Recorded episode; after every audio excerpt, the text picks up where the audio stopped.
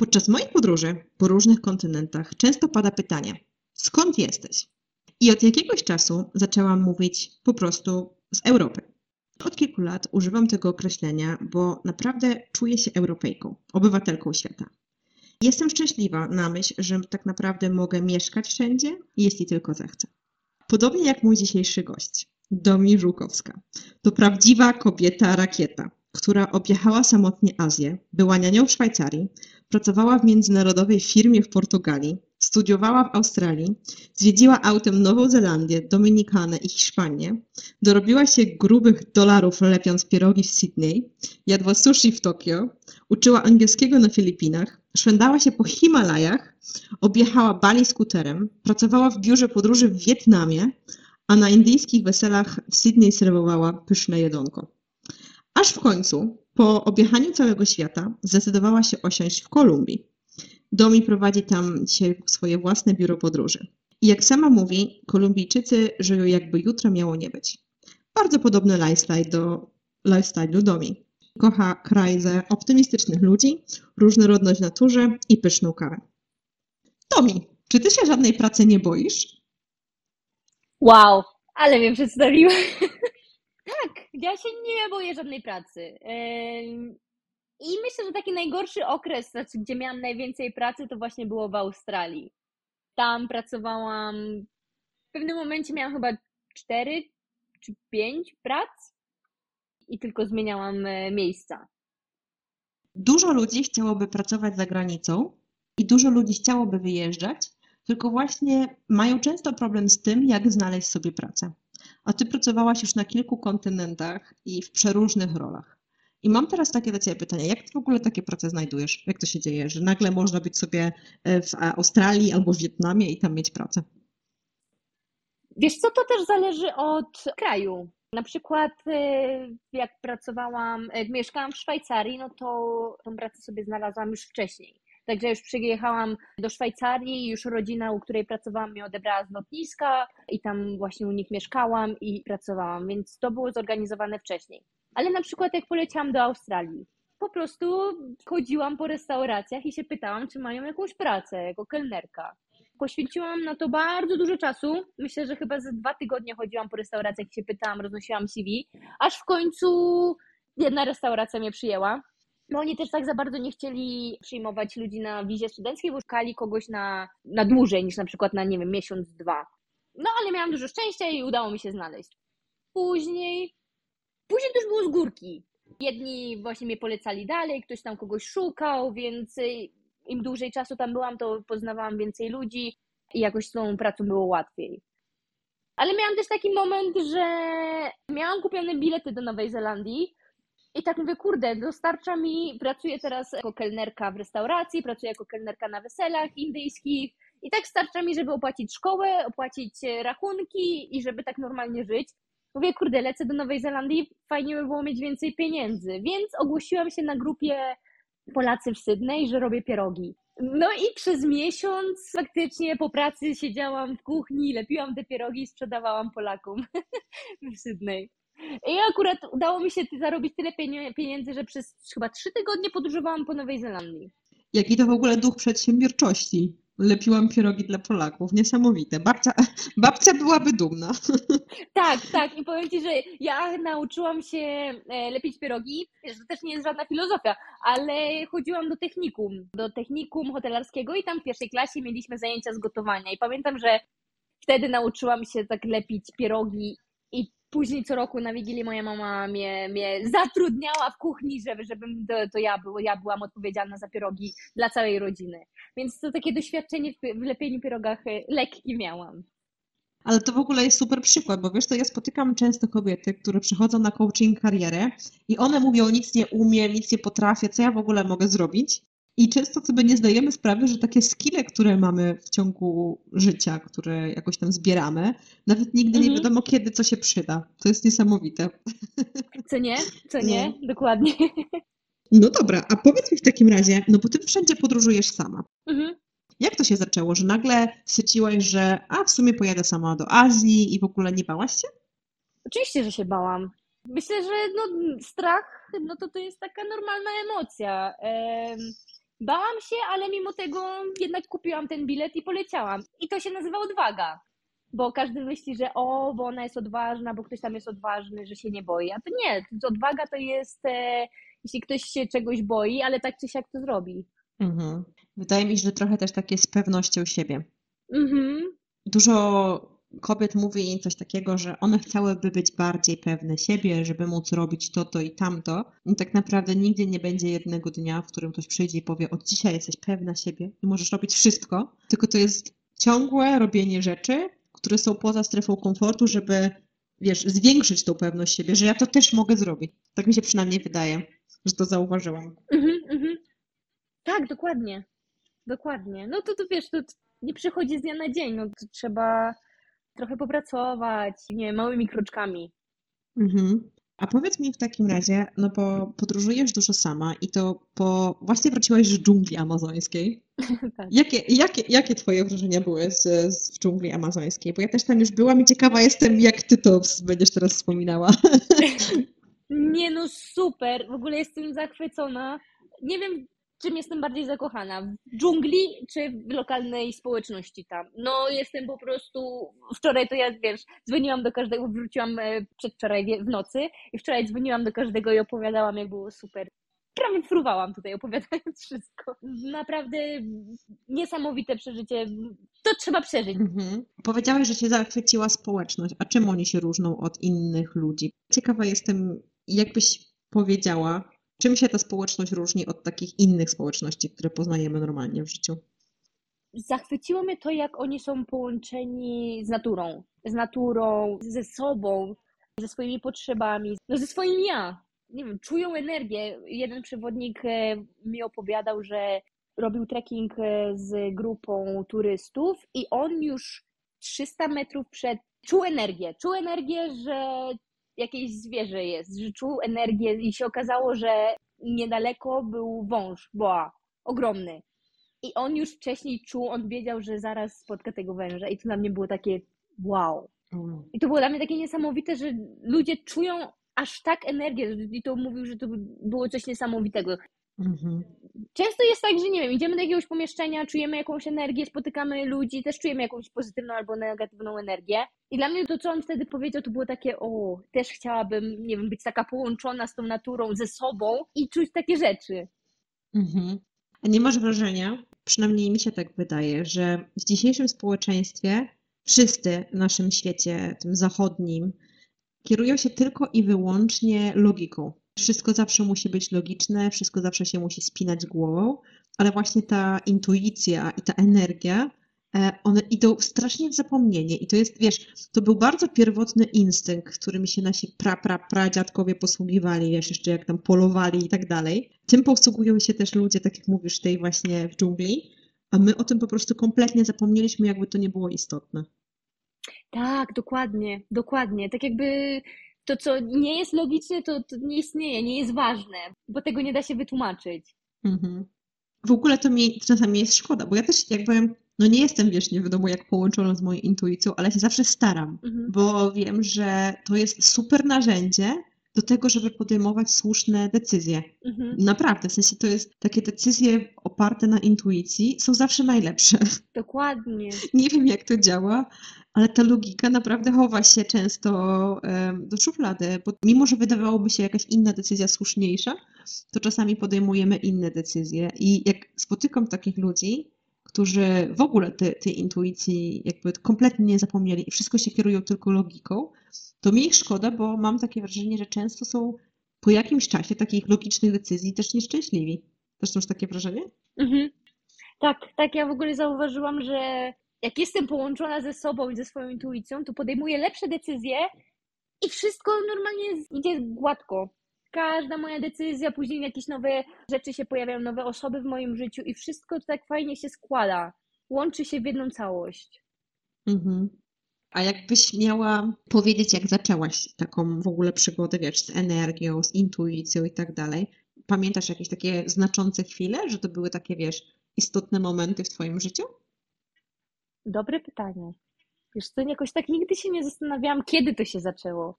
Ale zawsze, zawsze ciągnęło mnie właśnie tak, żeby dbać o siebie, o swoją przestrzeń, o to, żeby mieć fajnych ludzi dookoła siebie. I myślę, że to się zaczęło, jak zaczęłam praktykować jogę. Bo zawsze mm, tak myślałam, o yoga to jest takie wyciszenie i w ogóle. Poczułam jakąś magię, tak poczułam się połączona ze sobą i też jakoś nie potrafiłam tego wytłumaczyć, co to jest. I z czasem poznawałam nowych ludzi, którzy byli bardziej uduchowieni. Też mi opowiadali właśnie o tym, jak są połączeni ze swoją intuicją, o tym, jak nie wiem, żyją w zgodzie z sobą. I tak wiesz, kroczek po kroczku jakoś tak coraz więcej wiedziałam, coraz więcej wiedziałam i lepiej mi się żyło. Mhm. Tak próbowałam też wdrożyć rzeczy do swojego życia, w swoim życiu. I tak, ja myślę, że to właśnie było jak, jak zaczęłam praktykować jogę, tak zaczęłam bardziej uważać na wszystko dookoła. Mhm. A jak intuicja Cię poprowadziła do Kolumbii, czy jak to się stało, że tam zamieszkałaś?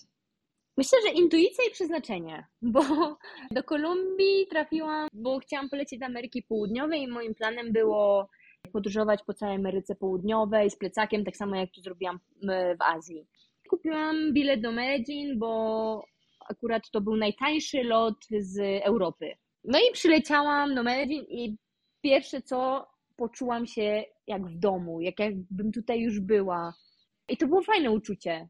Nie było takie uczucie, że o Jezu, jestem na drugim końcu świata, nie wiem, co ja teraz będę robić i w ogóle. Nie, to było coś takiego, że kurczę, wróciłam. Mm-hmm. No i zaczęłam tak podróżować i los tak chciał, że zatrzymałam się w Kartagenie. Dosłownie mam zabukowany hostel na trzy noce ale tam mi się spodobało. Zapisałam się na miesięczny kurs e, hiszpańskiego. Później udało mi się znaleźć e, pracę w, e, na recepcji, znaczy pracę, taki wolontariat, że ja pracowałam tam parę godzin i za, w zamian miałam nocleg i wyżywienie. Później udało mi się znaleźć nową, taką pracę za, za pieniądze, ale to już mi się nie podobało, bo to były naprawdę słabe pieniądze i dużo godzin pracy, więc zaczęłam pracować na swoje, czyli zaczęłam robić wycieczki po Kartagenie dla turystów, sesje zdjęciowe. I to tak fajnie się rozkręciło, że zaczęłam pracować też dla lokalnych restauracji, robiłam im zdjęcia na Instagrama, prowadziłam im social media. No i jakoś tak wiesz, stało się, że tam dwa lata byłam. No, dwa i pół. Mhm. A teraz mieszkasz w Medellin. Teraz mieszkam w Medellin, bo Cartagena jest przepięknym miastem, bardzo fajnym miastem na wakacje, na weekend ale żyje się tam naprawdę ciężko. Jest to bardzo turyst, jest to naprawdę turystyczne miasto, też bardzo imprezowe i jest nieziemsko gorąco tam. Wilgotno, gorąco, żyć się nie da. Więc już po jakimś czasie ja byłam zmęczona tymi turystami dookoła, codziennie, ludźmi na ulicy, którzy cały czas e, sprzedawali coś i mnie też zaczepiali. Chciałam po prostu zacząć żyć normalnie. No i przeprowadziłam się do Medellin, gdzie tutaj e, jest troszkę chłodniej, pogoda jest idealna, bo tutaj jest wieczna wiosna. No i jestem tutaj takim normalnym człowiekiem, nie jestem turystą, który przyjechał na weekend i lokalni sprzedawcy, nie wiem, próbują mi wcisnąć jakieś rzeczy. Tutaj jestem po prostu normalnym człowiekiem, który mieszka w Medellin, w Kolumbii. Super, a w ogóle z tego wszystkiego, co mówisz, to zawsze bardzo tanio podróżowałaś, mam takie wrażenie. Praca jako wolontariat, podróżowanie z plecakiem, spanie w hostelach, bukowanie najtańszego biletu. Mhm. Mm, I chciałam się Ciebie zapytać, bo myślę, że dużo osób w takie coś wierzy. Czy myślisz, że podróżowanie jest drogie? Czy podróżowanie jest drogie? Mhm. Zależy, jak kto podróżuje, bo podróżowanie może być i tanie, i drogie. Ja zawsze podróżowałam tanio, Zawsze szukałam jakichś najtańszych e, hosteli, e, najtańszych lotów. Podróżowałam po Azji, no to często było tak, że jeden miesiąc byłam na przykład w Wietnamie i przez dwa tygodnie chciałam być z lokalną społecznością, żyć tak jak oni i tam pomagałam im w prowadzeniu hostelu albo właśnie w biurze podróży albo coś i dwa tygodnie po prostu podróżowałam, bo chciałam też zobaczyć kraj. No i właśnie te dwa tygodnie takiego wolontariatu, taka wymiana, moja praca za nocleg i wyżywienie, nie płaciłam nic. Więc można podróżować tanio, można podróżować i drogo. To też to zależy od każdego, jak kto chce, jak kto woli. Jakbyś miała takim, wiesz, dziewczynom, które mają teraz 20 parę lat i chciałyby więcej podróżować, bo nigdy jeszcze tak naprawdę nie podróżowały, wiesz, na większą skalę. Może, wiesz, raz były gdzieś tam w jakimś europejskim mieście albo dwa. To jakie byś im dała rady takie, żeby podróżować tak, wiesz, wszędzie? No to z takich praktycznych rad, no to bym zaczęła szukać no, biletu lotniczego. Najlepiej, nie wiem, jakieś pół roku wcześniej już tak sobie znaleźć cel i tak obserwować, jakie są ceny ty, e, tych lotów, no i kupić bilet. No, myślę, że to jest krok numer jeden, kupić bilet, bo już wtedy ma się ten bilet i trzeba zacząć działać. To już decyzja jest podjęta. Mhm. Fajnie, że o tym powiedziałaś, bo ja wiem dokładnie, że to kupienie biletu za każdym razem było takim, no to klamka zapadła, teraz jadę, nie? Mhm. I nawet jak się zdecydowałam kiedyś z moim, no wtedy jeszcze narzeczonym, że pojedziemy, wiesz, podróż, rzucając jeszcze nasze prace przy tym, nie? I w podróż taką po Ameryce Południowej właśnie i Antarktydzie i Meksyku, to nie wiedzieliśmy, gdzie będziemy w ogóle. Kupiliśmy tylko jeden bilet do Brazylii i tam jakby zaczęła się nasza podróż i zabukowaliśmy tylko pierwszą noc w pierwszym hostelu. Ale ta właśnie decyzja, to kupienie biletu było czymś takim, mhm. teraz klamka zapadła, teraz trzeba zorganizować sobie na to przestrzeń w życiu, trzeba rzucić pracę, trzeba, wiesz, ogarnąć mieszkanie i to jest takie nagle, okej, okay, teraz to się dzieje naprawdę.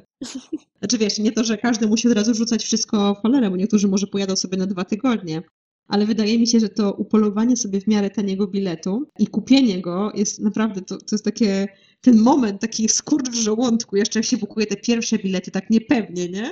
To jest takie fajne uczucie. Pamiętasz takie twoje pierwsze bilety w siną dal, że tak powiem? Takie, mhm. przy których miałaś taki skurcz w żołądku na zasadzie, powinnam teraz to zrobić albo nie? Wiesz, takie, taki dreszczyk emocji? Tak, tak. Tak, ja myślę, że to był taki bilet do Kolumbii bo wtedy akurat e, wróciłam z Azji, byłam w Polsce i tak mówię, kurde, no czas kupić ten bilet. I tak odkładałam, odkładałam, mówię, a może jeszcze będzie taniej, może jeszcze będzie taniej. I to wiesz, czas się kurczył i wszystko, ja chciałam już jechać, to zima się zbliżała. Wow. W ogóle zaraz będzie moja czwarta rocznica, jak już jestem w Kolumbii, 1 listopada. Więc zima, w Polsce zima się zbliżała, mówię, kurde, trzeba kupić ten bilet. I pamiętam, że jakoś chyba pod koniec sierpnia, czy na początku września kupiłam w końcu ten bilet. I to było takie, o kurde, to się dzieje naprawdę. I mimo tego, że wiesz, Kolumbia jest znana, że tam jest niebezpiecznie, że tutaj mnie porwą, że skończę w więzieniu, wiesz, nie wiadomo co się nasłuchałam od wszystkich, od wszystkich, komu powiedziałam, że, że lecę do Kolumbii. No i wiesz, mimo tego, że nie bałam się i nie boję się podróżować, to, to wiesz, jak tak codziennie kogoś słuchałam, to mówię, kurde, może faktycznie, może nie powinnam. Miałam takie lekkie obawy, ale mimo tego poleciałam. Poleciałam z biletem w jedną stronę i mówię, dobra, zobaczymy, co się będzie działo. No i na pierwszy tydzień, pamiętam, bo to na tydzień sobie zabukowałam właśnie hostel, bo mówię, dobra, to jetlag, inne sprawy organizacyjne, co dalej będę robiła. Akurat tydzień tak mi starczy, żeby zobaczyć miasto i zdecydować, co dalej. Bo właśnie tak jak ty, zawsze kupowałam bilet i bukowałam pierwszą noc, dwie noce w miejscu. No a później na miejscu organizowałam co dalej. No właśnie, a jak to jest podróżować sama jako kobieta? Bo jak ja mówię, że każdym razem na przykład leciałam, nie wiem, z do Tajlandii sama czy coś takiego, to zawsze mówiłam moim rodzicom albo moim babciom przede wszystkim, że ja lecę z jakąś koleżanką. Wiesz, miałam taką wyimaginowaną koleżankę, która tak naprawdę nie istniała, bo nie chciałam ich martwić. E, a tak naprawdę to byłam sama, nie? I zastanawiam się, co ty sądzisz o samotnym podróżowaniu jako kobieta? Ale wiesz co, ja też tak robiłam. Ja też tak mówiłam moim rodzicom i mojej siostrze też, bo ona się zawsze też stresowała, że a, bo tam na miejscu spotkałam się ze znajomymi. że tam będę podróżowała z kimś tam. No i oczywiście no to było tak, żeby wiesz, oni się nie, żeby się nie martwili i żeby wiedzieli, że nie jestem sama i w ogóle. No ale prawda była taka, że byłam sama. Jeśli chodzi o podróżowanie solo jako kobieta, ja nigdy nie miałam jakichś nieprzyjemnych sytuacji. I to też jest ciekawe, bo zawsze każdy się mnie pyta, Domi, bo ty tyle podróżujesz i sama, opowiedz mi jakąś swoją historię. Co się stało niebezpiecznego i w ogóle ja zawsze tak, kurde, nie wiem, tu chyba coś wymyślę, bo no, naprawdę nigdy mi się nic nie stało. Wiesz, jak jakieś tam opóźnione loty czy coś, no ale no, to, to, to są takie rzeczy, które się trafiają chyba każdemu, ale wiesz co, bo ja też ani nie, jak podróżuję, to ja ani nie imprezuję, ja wieczorem już jestem w hotelu, a jak już gdzieś wychodzę, to z ludźmi, których poznałam w hostelu, albo wiesz, na jakieś takie zorganizowane, nie wiem, nauka salsy czy coś. Nigdy nie miałam jakiejś takiej niebezpiecznej sytuacji. I podróżowanie samej jest super. Ja bardzo lubię. bardzo lubię sama podróżować i nie czułam się, że nigdy, że, że, że moje życie było zagrożone.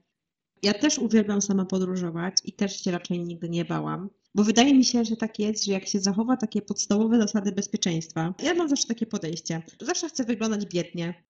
Po prostu trzeba, trzeba wyglądać jak, jak jakiś biedak. Tak, tak. W ogóle pochować wszystko, co się ma drogi, w ogóle nie zabierać na takie wycieczki. Ja, ja nigdy nie zabieram jakichś drogich rzeczy. No wiesz, takie racjonalne zasady, nie? Mhm. Jakby nie chodzić w jakieś ciemne uliczki, nie chodzić po ciemku sama i tak dalej. I wydaje mi się, że to tak naprawdę już dużo bardzo zmienia. Ale też przede wszystkim takie podejście, bo idąc wszędzie i spodziewając się, że wszędzie się coś stanie, no to prędzej czy później mam takie wrażenie, że się coś stanie. Mhm. Bo ktoś cały czas oczekuje, że coś się stanie i taki chodzi taki niepewny, przestraszony. Nawet kiedyś rozmawiałam z taką znajomą, która pojechała do Egiptu, do hotelu, zorganizowane wszystko, ale tak się ciągle bała, dotknęła się meduzy, bo się zagapiła, nie? Ale to było coś takiego, że ona tam jechała i non-stop czekała, co się teraz stanie. Każdego dnia po prostu, zamiast się cieszyć z podróży, to non-stop się po prostu bała, że zaraz coś się wydarzy. Mhm. No tak, no przyciągnęła do siebie. No. A powiedziałaś, że lubisz podróżować solo. Ja też uwielbiam podróżować solo, ale te- też znam dużo dziewczyn, które w życiu by nie pojechały gdzieś same. I tak się zastanawiam, jak to się zaczęło, że lubiłaś podróżować solo i w ogóle dlaczego lubisz podróżować solo? Wiesz co, zaczęło się to, bo nie miałam z kim podróżować. I ja bardzo zawsze chciałam podróżować, zawsze chciałam pojechać do innego kraju, poznać kulturę, próbować jedzenie. Tylko nigdy nie miałam z kim. To było takie, o, jedziemy gdzieś i każdy z moich znajomych był, nie, bo to, nie, bo tamto. No i mówię, no dobra, no to lecę sama. I tak wiesz co, najbardziej takiej odwagi mi dodało, jak poleciałam do Portugalii. Miałam wtedy 22 lata, 21. No byłam na drugim roku studiów i poleciałam do Portugalii na, na praktyki. I to mi dało takiego kopa, taką motywację, taką odwagę, że kurczę, ogarnęłam sobie sama praktyki, poleciałam sobie sama do Portugalii. Znając angielski ze szkoły, tam rozumiałam, ale wstydziłam się rozmawiać. Jakoś tak dużo takiej odwagi mi dało to, że tam poleciałam sama, tam byłam 4 miesiące, pracowałam dla firmy i to było coś niesamowitego. Później jak wróciłam do Polski, żeby skończyć studia, mówię nie, kończę studia i, i, i lecę. I właśnie pojechałam do Szwajcarii też sama. Sobie zorganizowałam wszystko, no i później jakoś tak poszło. Mhm. Wydaje mi się, że ten pierwszy taki wyjazd w pojedynkę jest zawsze takim, wiesz, otwiera tak drzwi po prostu, bo nagle sobie zdaje człowiek sprawę, że ja przecież mogę sama, przecież ja nie muszę się nikogo prosić, Tak. ja mogę wyjechać sama i sobie dos doskonale dam radę. Mhm, mhm. Ja pamiętam, że jak poleciałam do tej Portugalii, to w samolocie płakałam jak dziecko. Mówię, Boże, nie, ja sobie nie poradzę. Co ja teraz zrobię? Nie mam mieszkania, nie mam... No, nie wiedziałam nic. E, No i po tygodniu już tak się uspokoiłam, znalazłam mieszkanie, skontaktowałam się z tymi ludźmi, którzy, dla których pracowałam tam z menadżerem, z, z, zorganizowali e, kolację powitalną dla mnie, więc już tak byłam coraz bardziej okej, okej, będzie dobrze, no, będzie, poradzisz sobie, nie jesteś sama, właśnie. Podróżując samej, każdy myśli, że o nie, jestem sama, jak coś się stanie, to umrę, bo, bo jestem sama. A to nieprawda. Ludzie są bardzo, bardzo przyjaźni i to chyba jest niezależnie, niezależnie od kraju. Na przykład w Kolumbii, podróżując samej, to często jak, e, nie wiem, stoję jakby na początku, jak stałam jeszcze z plecakiem, tam nie wiem, coś na mapie szukam, podchodzili do mnie ludzie i się pytali, czy mi pomóc, czy czegoś szukam i w ogóle. I ja wtedy jeszcze nie znałam hiszpańskiego i tak zawsze, no, no, gracias, gracias. I to, to, to było bardzo miłe. To było bardzo miłe i dla mnie też troszkę takie dziwne, że ktoś do mnie podchodzi i mi oferuje swoją pomoc. A, bo, bo ja też jestem taka bardzo otwarta na pomoc wszystkich innych, ale zauważyłam, że jest coś takiego, że Polacy mają takie nastawienie, że jak ktoś chce pomóc, e, wiesz, tak bezinteresownie, to jest zaraz takie podejście, a czego on ode mnie chce? A co jest teraz, wiesz, co, co to jest za podstęp? Tak, tak. Mhm. No. Ale często, często jest tak, że właśnie to jest taka bezinteresowna pomoc. I ja też tego musiałam się nauczyć, że wiesz, że ktoś po prostu z dobrego serca chce mi pomóc. Pamiętam właśnie na Bali kiedyś jechałam skuterem i już byłam zmęczona. Podróż była bardzo długa i, i się zatrzymałam na chwilę. No i miałam ogromny plecak, też miałam za dużo rzeczy. I się przewróciłam na tym skuterze. No i obok była taka chatka i tam były kobiety. Kobiety z dziećmi, one to zobaczyły i od razu przybiegły do mnie i mi pomogły. I mnie zaprosiły do siebie na herbatę, też zaoferowały tam jakieś jedzenie, mięso i w ogóle, ale ja pamiętam, że wtedy nie, nie jadłam mięsa, to powiedziałam, że nie, nie, dziękuję. Przyniosły mi herbatę z cukrem, żebym miała więcej energii, więc to było mega, mega miłe. Właśnie też się tak pytały, e, ile mam lat. Wtedy miałam ile? 24 lata. I one takie, a gdzie masz męża, gdzie masz dzieci? Dla nich to też, dla nich to było takie ciekawe, że ja sobie sama podróżuję, a na przykład, nie wiem, nie, nie jestem w domu z dziećmi, z mężem. Minęło parę lat, no to gdzie twój mąż i dzieci domi? No właśnie, do, dobre pytanie. No, um, ale to chyba jest kolejna taka rzecz, którą teraz powiedziałaś, bo u nas w Polsce też jest nadal takie podejście, że jak masz lat 30, czy tam koło 30, no to już powoli ci zegar tyka, stara, ogarnij się, gdzie jest twój mąż, gdzie są twoje dzieci, co ty tylko tu podróżujesz, tylko tobie głupoty w głowie. Tak, tak, tak, dokładnie. Do, powiem ci, że ja bardzo długo też, nie wiem, źle się z tym czułam, bo wiesz, za każdym razem jak wracałam do Polski, to były takie pytania o dom i co teraz, kiedy się ustatkujesz, mąż, kiedy dzieci. I tak ja się tym stresowałam trochę. Za każdym razem, jak przylatywałam do Polski, mówię, kurde, znowu te pytania, znowu to samo. Ale myślę, że tak, wiesz, jak mi stuknęła trzydziestka, pytania znikły. Myślę, że chyba akurat moja rodzina już sobie darowała mój dobra. Jak przyjdzie czas, jak oni chyba chcą taką, wiesz, niespodziankę, że już nie, nie czekają na to, że jak po prostu to się przytrafi, to się przytrafi i wiesz, będą szczęśliwi. No ale wiesz, za każdym razem ja tłumaczyłam, okej, okay, ja mam inny styl życia, mnie cieszą inne rzeczy, nie każdy żyje, no nie wiem, tak jak większość społeczeństwa, że wiesz, idą na studia, po studiach, wiesz, biorą kredyt, kupują mieszkanie, biorą ślub i, i, i takie rzeczy. No mnie to jakoś tak nigdy nie interesowało. No i dobrze mi z tym. Tak czasami sobie myślę, że głupia byłam, że przez te moje lata dwudzieste tak bardzo się tym stresowałam i tak cały czas mnie obchodziło, co myślą o mnie inni, że już, nie wiem, sta, stara panna. Ale właśnie wydaje mi się, że e, bo wiesz, jak przychodzą do mnie klientki na coachingi, to ja mam właśnie często takie wrażenie, że one kompletnie nie żyją swoim życiem. One po prostu żyją tak, jak oczekuje od nich tego rodzina, społeczeństwo, partner, wszyscy wokół, ale nie wiesz, one same i one przychodzą na coaching, bo są nieszczęśliwe. Mhm. I nagle pytanie, no czemu jesteś nieszczęśliwa, nie? I, bo nie żyjesz swoim życiem. I tutaj, mhm. tak jak wcześniej mówiłyśmy o tej logice i intuicji, nie? To one zrobiły wszystko poprawnie. One kierowały się logiką. One, wiesz, poszły, zdały maturę, poszły na studia, robiły krok po kroku to, co się od nich oczekuje, mhm. a nie były w tym wszystkim szczęśliwe. I to jest, mhm. no dla mnie to zawsze smutne strasznie. Tak, bardzo smutne. I powiem Ci, że ja akurat cieszę się, że akurat, nie wiem, byłam na tyle zbuntowana, że potrafiłam powiedzieć nie, nie pójdę na magisterkę, przeprowadzam się do Szwajcarii i będę pracować jako niania i mieszkać tam z rodziną. I to było fajne.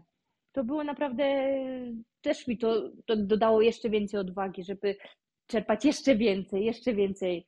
I, I właśnie po Szwajcarii poleciałam do Australii, co też było wow dla moich rodziców na, do Australii, ale i po co tutaj? Moja babcia zawsze mówi, Domi, ale i po co? Przecież w Polsce jest tak dobrze.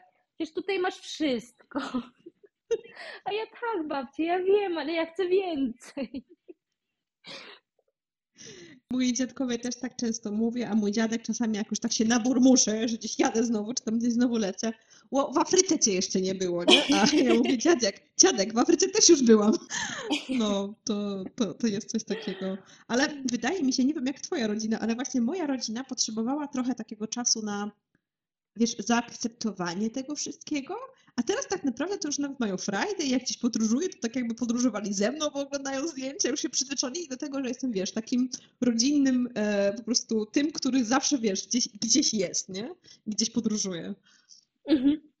Tak, u mnie to samo było. Akurat y, moi rodzice też się śmieli, że oni w życiu by sami nie polecieli do Australii, a jak ja tam mieszkałam, no to przylecieli, odwiedzili mnie, potem poznali, wiesz, Sydney i okolice, więc też to też jest dla nich e, przygoda, bo dzięki temu, że ja podróżuję i mieszkam w różnych zakątkach świata, to oni mnie odwiedzają i też poznają nowe kultury, nowe miejsca. No do Kolumbii też w życiu by sami nie polecieli. A jak przyjacieli mnie odwiedzić jeszcze przed pandemią, no to moja mama jest zakochana w Kartagenie, mój tata też jest zakochany tutaj w Medellin. Mówię, no dobra, no to co, kiedy się przeprowadzacie? I co powiedzieli? No tak, tak, tak. Ale tak wiesz, tak sieje ziarenko. A powiedz mi w ogóle, no bo teraz już podróżujesz i to zaakceptowali, ale wydaje mi się, rodzice często nie rozumieją, czy rodzice, w ogóle rodzina i tak dalej, otoczenie, nie rozumieją często jakichś decyzji. Na początku, jak się podejmuje taki właśnie, idzie się za głosem serca, czy za tą intuicją, nie? To zawsze jest na początku cholernie trudno, bo nikt nas nie rozumie. Mhm. Bardzo mało jest takich ludzi, którzy powiedzą, wiesz, to jest zawsze jakieś powiedzmy 5% ze wszystkich ludzi, których znamy, że super Domi, jedź do Australii, leć do Szwajcarii, w ogóle dasz sobie radę, będzie super świetnie, tylko wszyscy zawsze takie mają, ojejuś, ale to tam bezpiecznie, ale to jak dasz sobie radę, wiesz, zawsze milion, swoje obawy tak naprawdę przekładają na ciebie często, nie? Też miałaś takie wrażenie? Tak, za każdym razem, za każdym razem. I to jest takie, że wiesz, że ja jak już podjęłam tą decyzję i jestem pewna tej decyzji i się cieszę z tego, że wiesz, za jakiś czas polecę w nowe miejsce i też mam swoje obawy, że wiesz, że kurczę, że coś tam muszę znaleźć pracę, inne rzeczy. I jeszcze właśnie te osoby dookoła, tak swoje obawy, wiesz, nie wiem, czy tam jest bezpiecznie, czy sobie poradzę, czy nie wiadomo co. Hmm. E, Zawsze, zawsze, zawsze tak było. Ale z czasem teraz się u mnie się zmieniło. Już moi rodzice, wiesz, jak już, nie wiem, tam miesiąc, dwa miesiące siedzę na, na tyłku i, i, i na miejscu, no to co, chora jesteś? Gdzie teraz lecisz? Masz jakąś, Ale masz jakąś mm, to wycieczkę chyba się odnosi do wszystkiego, tak z rodzicami em, i w ogóle z bliskimi, że oni na początku tego nie rozumieją, z czasem to zaakceptują.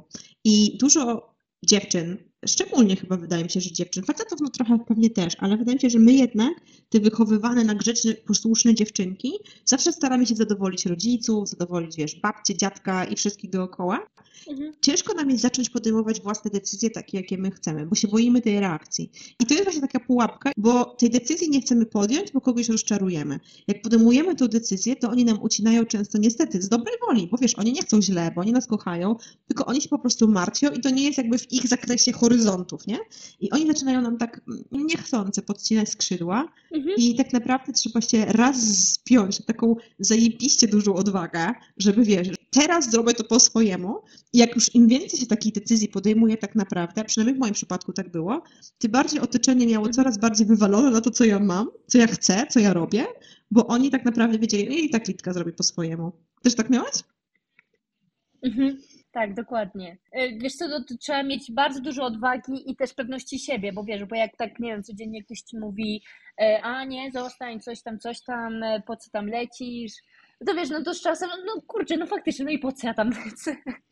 To też trzeba mieć taką pewność siebie i takie zaufanie do siebie, że sobie poradzisz, że dasz radę, że w każdej sytuacji znajdziesz rozwiązanie. No i wiesz, i przekonać tą babcię, mamę, tatę, że dasz sobie radę, że ja też zmieniłam taktykę po jakimś czasie, e, bo na początku się wkurzałam, mówię, kurczę, nie, no ja sobie poradzę, no co wy myślicie, że ja sobie nie poradzę na drugim końcu świata? I później e, zaczęłam mówić, no, ale wychowaliście mnie tak, żebym sobie poradziła w każdej sytuacji, dzięki wam jestem odważna i w ogóle, i wiesz, tak próbowałam, że to dzięki nim właśnie jestem taka i że chcę poznawać świat, Myślę, że dzięki temu tak zaczęli oni, "O, okej, faktycznie, da sobie radę, da sobie radę. I tak wiesz, pierwsza wyprawa i druga przeprowadzka, jakaś tam inna wycieczka, no to tak widzieli, że ja sobie faktycznie daję radę i tak przestali się martwić. Bardzo cwane, cwane zagranie psychologiczne. Gratuluję Ci. Dziękuję, dziękuję. Ale wiesz co, bo teraz się trochę em, same sobie zaprzeczyłyśmy, ale chciałabym to teraz wyrównać, bo na początku powiedziałyśmy, że nigdy nie będzie dnia, w którym e, mamy, jesteśmy odważne albo pewne siebie. Że nie ma czegoś takiego, że ktoś podejdzie, kliknie nam gdzieś tam guzik i od tego dnia będziemy pewne siebie albo odważne. Mhm. I wydaje mi się, że, em, a ty powiedziałaś teraz, że wiesz, że trzeba być na tyle pewnym siebie i odważnym, żeby te kroki podjąć. Nie wiem, co ty myślisz, ale mi się wydaje, że to właśnie jest ten mały krok każdego dnia i zrobienie coś bardziej pewnie siebie i bardziej odważnie niż wczoraj, żeby być w końcu w tym punkcie, gdzie jest jakaś ważna decyzja, a ty będziesz na tyle pewna siebie, bo już takie inne małe rzeczy podjęłaś, że stwierdzisz, a pierdzielcie się wszyscy, teraz to ja już wiem, co ja chcę. Tak, tak, tak, tak. Wiesz co, z tym, z tą pewnością i odwagą chodzi mi o to, że wiesz, że jak już ma się ten bilet i nawet jeśli się nie ma tej odwagi i tej pewności siebie, to tak przekazać tym rodzicom swoim, że się ma tą pewność siebie, że sobie poradzisz w Australii czy wiesz, na drugim końcu świata. Mhm. A niedługo jest w ogóle Black Friday. Ja tylko powiem osobom, które mało podróżują, że niedługo będą przeceny na bilety. Polecam sobie zajrzeć. O, No bo tak zaczęłaś podróżować, e, ale co dalej? Czy nie masz zamiaru osiąść i się ustabilizować? nie wiem. Wiesz ja ostatnio tak myślałam właśnie, że chciałabym mieć jakąś swoją bazę. Tutaj ostatnie lata właśnie moją bazą jest Kolumbia. No i, i stąd zaczęłam podróżować. Zaczęłam e, zarabiać na moich podróżach, organizować wyprawy dla moich obserwatorów, pracować dla biur podróży. Później zaczęłam organizować wyprawy dla moich obserwujących. Teraz sama mam swoje biuro podróży. No i organizuję wyprawy do Kolumbii. Planuję wy- organizować wyprawy, wiesz, po całej Ameryce Południowej w przyszłym roku. No i też chcę zatrudniać ludzi, żebym ja nie musiała oprowadzać, wiesz, być pilotem wycieczek. Więc myślę, że Kolumbia może być moją bazą taką na przyszłość. Bardzo mi się miło tego słucha, jak opowiadasz o tych Twoich planach, bo prawdziwa przedsiębiorczyni się z Ciebie zrobiła. Bo jak przyszłaś do mnie na coaching jakiś czas temu, to było takie, no ja bym chciała jest, mieć jakąś bazę, coś zrobić, ale nie Mhm. bardzo wiem jak, nie wiem w ogóle co. Brakowało Ci Mhm, pewności mhm. siebie do tego kroku, a nagle widzę, e, że tutaj po prostu wielkie plany na przyszły rok, po prostu do mnie podbija cała Amerykę Południową. Tak, dokładnie. I to wszystko dzięki Tobie. Dodałaś mi pewności siebie. E, To tylko i wyłącznie dzięki Tobie, a ja byłam tym, tym człowiekiem, który po prostu w Ciebie wierzył. Bo właśnie tak jak te 95% ludzi będzie podcinało skrzydła, tak warto mieć kogoś, kto właśnie będzie wierzył w to, że to się uda. Mhm. Tego jednego takiego, wiesz, Dokładnie. który będzie wspierał zamiast, zamiast po prostu więcej tych obaw jeszcze dorzucać, nie? Bo całe społeczeństwo zawsze się w większości boi. Zawsze, zawsze jest coś do bania się. A no nie wiem, przynajmniej takie jest moje podejście trochę, że wiesz, bez ryzyka nie ma szampana, nie? Mhm, dokładnie, dokładnie. Najważniejsze to jest zaplanować pierwszy tydzień, zrobić rezerwację e, w jakimś miejscu na pierwszy tydzień i później, wiesz, jeśli ktoś podróżuje z biletem w jedną stronę, bo nie mówię na przykład jak ktoś, nie wiem, leci, ma urlop dwa tygodnie i, i, i, i leci gdzieś właśnie na, ma ograniczony czas, no to wtedy no, to trzeba przynajmniej, nie wiem, zorganizować te dwa pierwsze dni, mieć przynajmniej taką ideę, co się chce zobaczyć. Mi się też wydaje, że jak się ma więcej czasu, to te podróże nabierają całkiem innej wartości. Bo często tak jest i, i w ogóle mnie to zawsze przeraża, jak słyszę, że ktoś na przykład leci do Stanów Zjednoczonych na tydzień, albo właśnie do Kolumbii na, wiesz, powiedzmy, czy do Brazylii na pięć dni, bo akurat jest taniej widać w to i z powrotem. I z jednej strony fajnie, bo chociaż się to przeżyje, ale z drugiej strony tak się zawsze zastanawiam, czy, czy jest w ogóle, wiesz, dla mnie, mnie, mi się to zaczęło strasznie kłócić z tym, jak już odkryłam, że można też, wiesz, być gdzieś na dłużej i tak naprawdę poznać tą kulturę, a nie tylko tak sobie, wiesz, odhaczyć na liście, że o, byłam, zobaczyłam. Tak, tak, no to jest całkiem, całkiem, wiesz, inna przygoda, inne doświadczenia, bo też często słyszę, że a, no mi lecę na dwa tygodnie, chcę pojechać do Kolumbii, do Ekwadoru i jeszcze o Brazylię zahaczyć. I ja tak, a chcesz chociaż trochę spać, odpocząć? Mm, jest takie, że wiesz, jak ludzie myślą, że okej, polecę na przykład do Kolumbii i że 200 kilometrów tutaj autobusem, no to to jest, nie wiem, dwie godziny czy trzy godziny, tak jak w Europie, no to nie, bo tutaj 200 kilometrów, no to, to nie są 2-3 godziny, to są 6, 7, 8, czasem nawet 12. Więc y, często wiesz, jest tak, że planując sobie podróż, nie zdajemy sobie sprawy, jakie są na przykład są drogi, jakie są realia tutaj na miejscu. No i właśnie dlatego trzeba pytać ludzi, którzy tam mieszkają, którzy już odwiedzili ten kraj. mhm. I przede wszystkim nie planować za dużo i być trochę spontanicznym. To chyba jest też ważne, żeby... Tak, dokładnie. Mhm. Dokładnie, bo często jest też tak, że jak już ktoś leci na ten tydzień do Kolumbii, czy na dwa tygodnie i sobie zaplanuje wszystko od deski, że ósma wstaje, ósma trzydzieści śniadanie, ósma czterdzieści pięć już czeka na mnie Uber, gdzieś tam dalej jadę, no to kurczę, a jak chcesz zostać w jakimś miejscu, wiesz, troszkę dłużej? Tak być trochę spontanicznym, Mhm. nie wiem, spodobało mi się w jakimś miejscu i chcę dwie noce zostać dłużej, Mhm. no to, to Najlepiej jest zaplanować tą pierwszą noc i, i później. Wiesz, szczególnie w dzisiejszych czasach, gdzie wszystko masz w telefonie, możesz w każdej sekundzie zrobić rezerwację na bookingu, możesz kupić bilet lotniczy. Znaczy, co prawda z biletami lotniczymi, no to już jest tak trochę, no przynajmniej tydzień, dwa tygodnie wcześniej trzeba kupić. Ale bilet na sam na autobus, no to wszystko można kupić teraz przez internet, online. Mhm. I wydaje mi się, że jak tak się spontanicznie podróżuje, to jest, to też ma dużo większą wartość, bo często tak jest, przynajmniej ja tak często, my tak często mieliśmy, że spotkaliśmy kogoś i ktoś mówi, hej, a chcesz tam i tam pojechać jeszcze ze mną, albo chcesz gdzieś tam jeszcze coś zobaczyć, tą drugą stronę gdzieś tam pojechać i nagle spontanicznie decydowaliśmy się też na podróż gdzieś zupełnie gdzie nie planowaliśmy, że będziemy, a okazywało się super. I nawet paradoksem jest to, że ja nie myślałam, że będę na Antarktydzie, tylko jak byliśmy w Argentynie, to zadzwoniła do nas znajoma z Singapuru, czy przypadkiem nie chcemy z nią pojechać do Antarktydy, skoro już jesteśmy w Argentynie. O. To też wyszło tylko dlatego, że byliśmy spontaniczni. Mhm, No. mhm. No dobra, Domi, to dziękuję Ci bardzo, mm, że podzieliłeś się z nami tymi Twoimi historiami. E, Mam nadzieję, że my się zobaczymy w Kolumbii i w ogóle będziemy oczywiście w kontakcie, ale życzę Ci powodzenia z Twoimi projektami. Mam nadzieję, że znajdziesz super podróżników i razem będziecie sprawiali, że podróże ludzi po Ameryce Południowej będą takie fajne, że wiesz, że nagle wszyscy się przekonają, jak dużo ten kontynent ma do zaoferowania. Dziękuję bardzo. Dzięki, dzięki wielkie za zaproszenie i za rozmowę. Dziękuję.